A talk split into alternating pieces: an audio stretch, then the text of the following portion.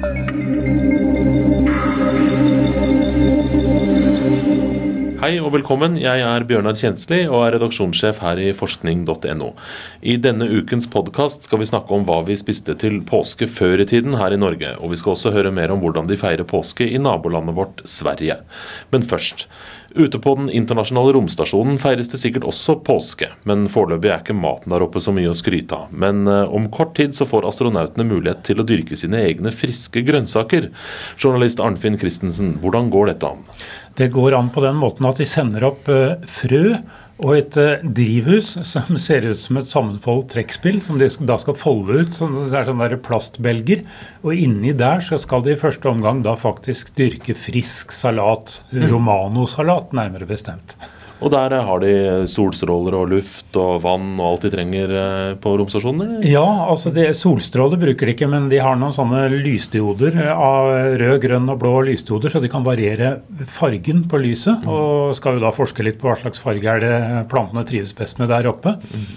Men hovedhensikten med dette eksperimentet er faktisk å skaffe litt fersk mat til astronautene. Mm. For det blir mye frysetørret og, og tør, tør, tørket mat der oppe. Da. Og det er jo viktig at astronautene får i seg sunn mat. De er jo der oppe ganske lenge av gangen også? Ja, både sunn og god, fordi det betyr mye for moralen. Og det er også sånn at smaken til astronautene i vektløshet faktisk forandrer seg litt. Så de liker ikke alt som de liker på jorda. Ting som er testet ut her på jorda skulle smake riktig så lekkert, det får de nesten ikke ned opp i rommet.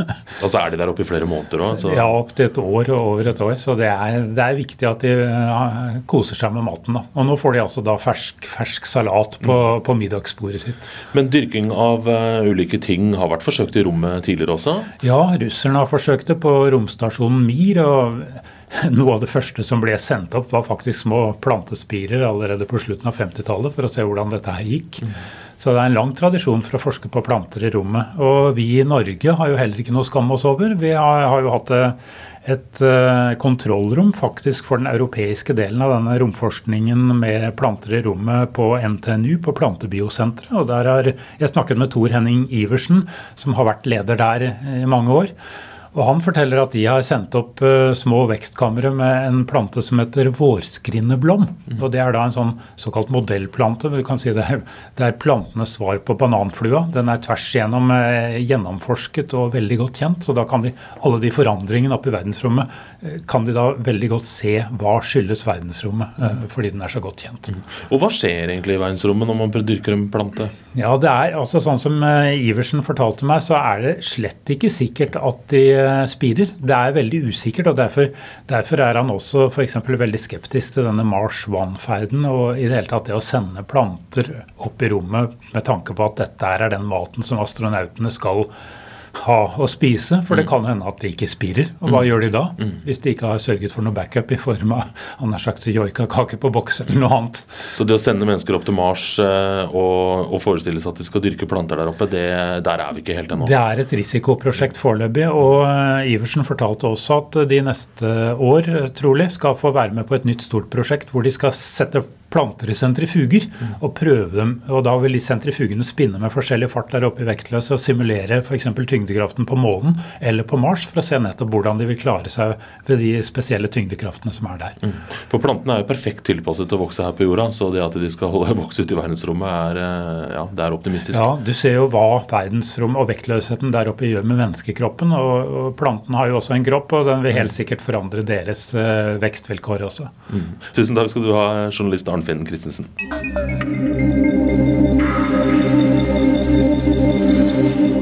Påsken handler i dag om kos, og vi spiser godteri og påskelam, og vi går på ski og slapper av og er sammen med familien. Men før i tiden handlet den norske påsken om lidelse, og det kom også til uttrykk i maten vi spiste. Journalist Marianne Nordahl, hva spiste vi til påske før i tiden i Norge? Ja, ifølge artikkelen som uh, journalisten vår Siv Ellen Jacobsen har skrevet denne uka, her, da, så spiste vi jo da først og fremst ikke. Uh, til langt ut på 1900-tallet så skulle man faste fra askeonsdag, som var over 40 dager uh, før påske, og til første påskedag. Så det var jo en lidelse, da. det var ganske lenge. Det er ganske lenge. Det betyr ikke, betyr ikke, at man skulle la være å spise. Men man skulle holde seg unna kjøtt, og man skulle spise mindre. Man skulle tenke litt sånn moderat. Mm. Um, og når man først spiste, så skulle dette her eh, være til minne om Jesu lidelse. Det var liksom et poeng, da. Uh, man skulle spise på en litt sånn ekkel måte, så skulle blodpudding og risvelling være symbolet på korsfestelsen. I tillegg eh, så skulle man spise salt og flesk, som skulle gjøre en så tørst at man fikk en slags sånn medfølelse med Jesus som har vært tørst på korset.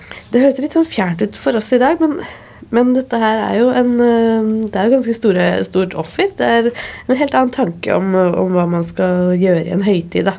Eh, Men så fikk man jo fikk man, jo da spise på første påskedag. Mm. Og da var det blodpudding og flesk og, og salt. ja, Ja, velta seg disse tingene. Høres ikke kjempegodt ut. Men vi spiste ikke egg, da. Nei, spiste ikke egg heller under hele fasten. Og det, i tillegg til at hønene her i nord ofte begynte å verpe igjen etter vinteren, omtrent på denne tida her, det har kanskje gjort at egg har blitt ganske viktig symbol for påsken. Eh, og det kan også kanskje hende at dette, eh, det at egg var forbudt under fasten, for så eh, på, ut på, altså fram til ut på 1900-tallet, det kan også ha gitt opphav til at vi nå fremdeles klarer å vente med påskeegget til påskeaften. Ja, Ikke alle som klarer det, da. Det er ikke alle som klarer det. Det er i hvert fall den siste delen av lidelsen som er igjen i norsk påsketradisjon da, fra den gamle påsken.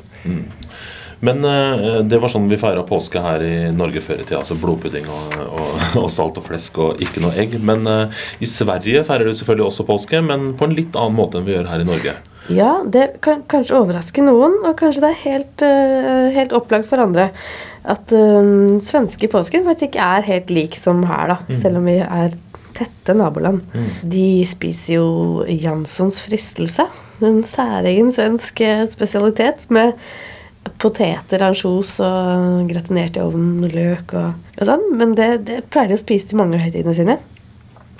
I tillegg, i tillegg da, til at de har påskeegg og gul pynt og påskeris og kyllinger og masse godis og sånn som vi har, så har de også noen, en uh, tradisjon for påskeheks. Det har vi ikke her i Norge. Nei, vi har ikke det noe særlig her i Norge. Vi har kanskje sett Jeg vet ikke om du har sett disse isoporkuleheksene, tror kanskje? Mm. En og annen som er gjemt borti en pappeske eller noe sånt. Um, men i Sverige så manifesterer dette her i seg i at småunger går rundt og har nesten litt sånn halloween-aktig eh, gang fra hus til hus. Uh, utkledd som påskeheks. Og gutta ofte som påskegubber. Eh, de har med seg påskebrev, som er en liten tegning kanskje av en heks eller noe sånt, med litt godteri oppi. Og så ber de om godteri. Mm. Så utveksler de det med naboer, liksom? da? eller? Ja. Mm. Og det høres jo veldig uskyldig og søtt ut, da. Men det var ikke så uskyldig da det starta, som på 1800-tallet. Tidlig 1800-tall så kan det ha starta et eller annet sted i Vest-Sverige. Kanskje ikke så langt fra norskegrensa. Um, da var det ofte ungdommer som gikk fra hus til hus og gjorde litt sånn slemme ting. Litt sånn halloween. Litt sånn halloween, rett og slett. Uh, sånn, litt sånn småslemme, skumle spøker. Hvor de tulla med folk. Kanskje kasta stein nedi pipa og gjorde litt sånn rampestreker, rett og slett. Og det var egentlig litt sånn skummel tid å gjøre det i, fordi hekser var ganske Det eksisterte mer en heksetro. Eh, man trodde, mange trodde at hekser fløy til Bloksberg på skjærtorsdag og møtte djevelen. og Man gjemte soplimer og alle ting som hekser kanskje kunne fly på den dagen. og sånn. Eh, og da kunne man også da samtidig få besøk av utkledde, skumle unge mennesker som kanskje hadde malt seg i ansiktet og sånn. Eh, som, og de, samtidig så krevde de da Eller de ba om egg og brennevin på døra. Ja. Mm, så det begynte sånn, og så ble det utover 1900-tallet så ble da disse heksene som gikk rundt, yngre og yngre, og litt mer og mer uskyldige. Mm. Så ble det en sånn julebokaktig tradisjon istedenfor. Mm. Tusen takk skal du ha, journalist Marianne Nordahl. Saken om eh, salat på den internasjonale romstasjonen og også videre eh, utvikling i oppskytingen av Falcon-raketten og, Dragon-kapselen, samt eh, sakene om juletradisjoner her i Norge før i tida, og også tradisjoner i Sverige, kan du lese på nettsidene våre forskning.no. Og vi er tilbake med en podkast i neste uke.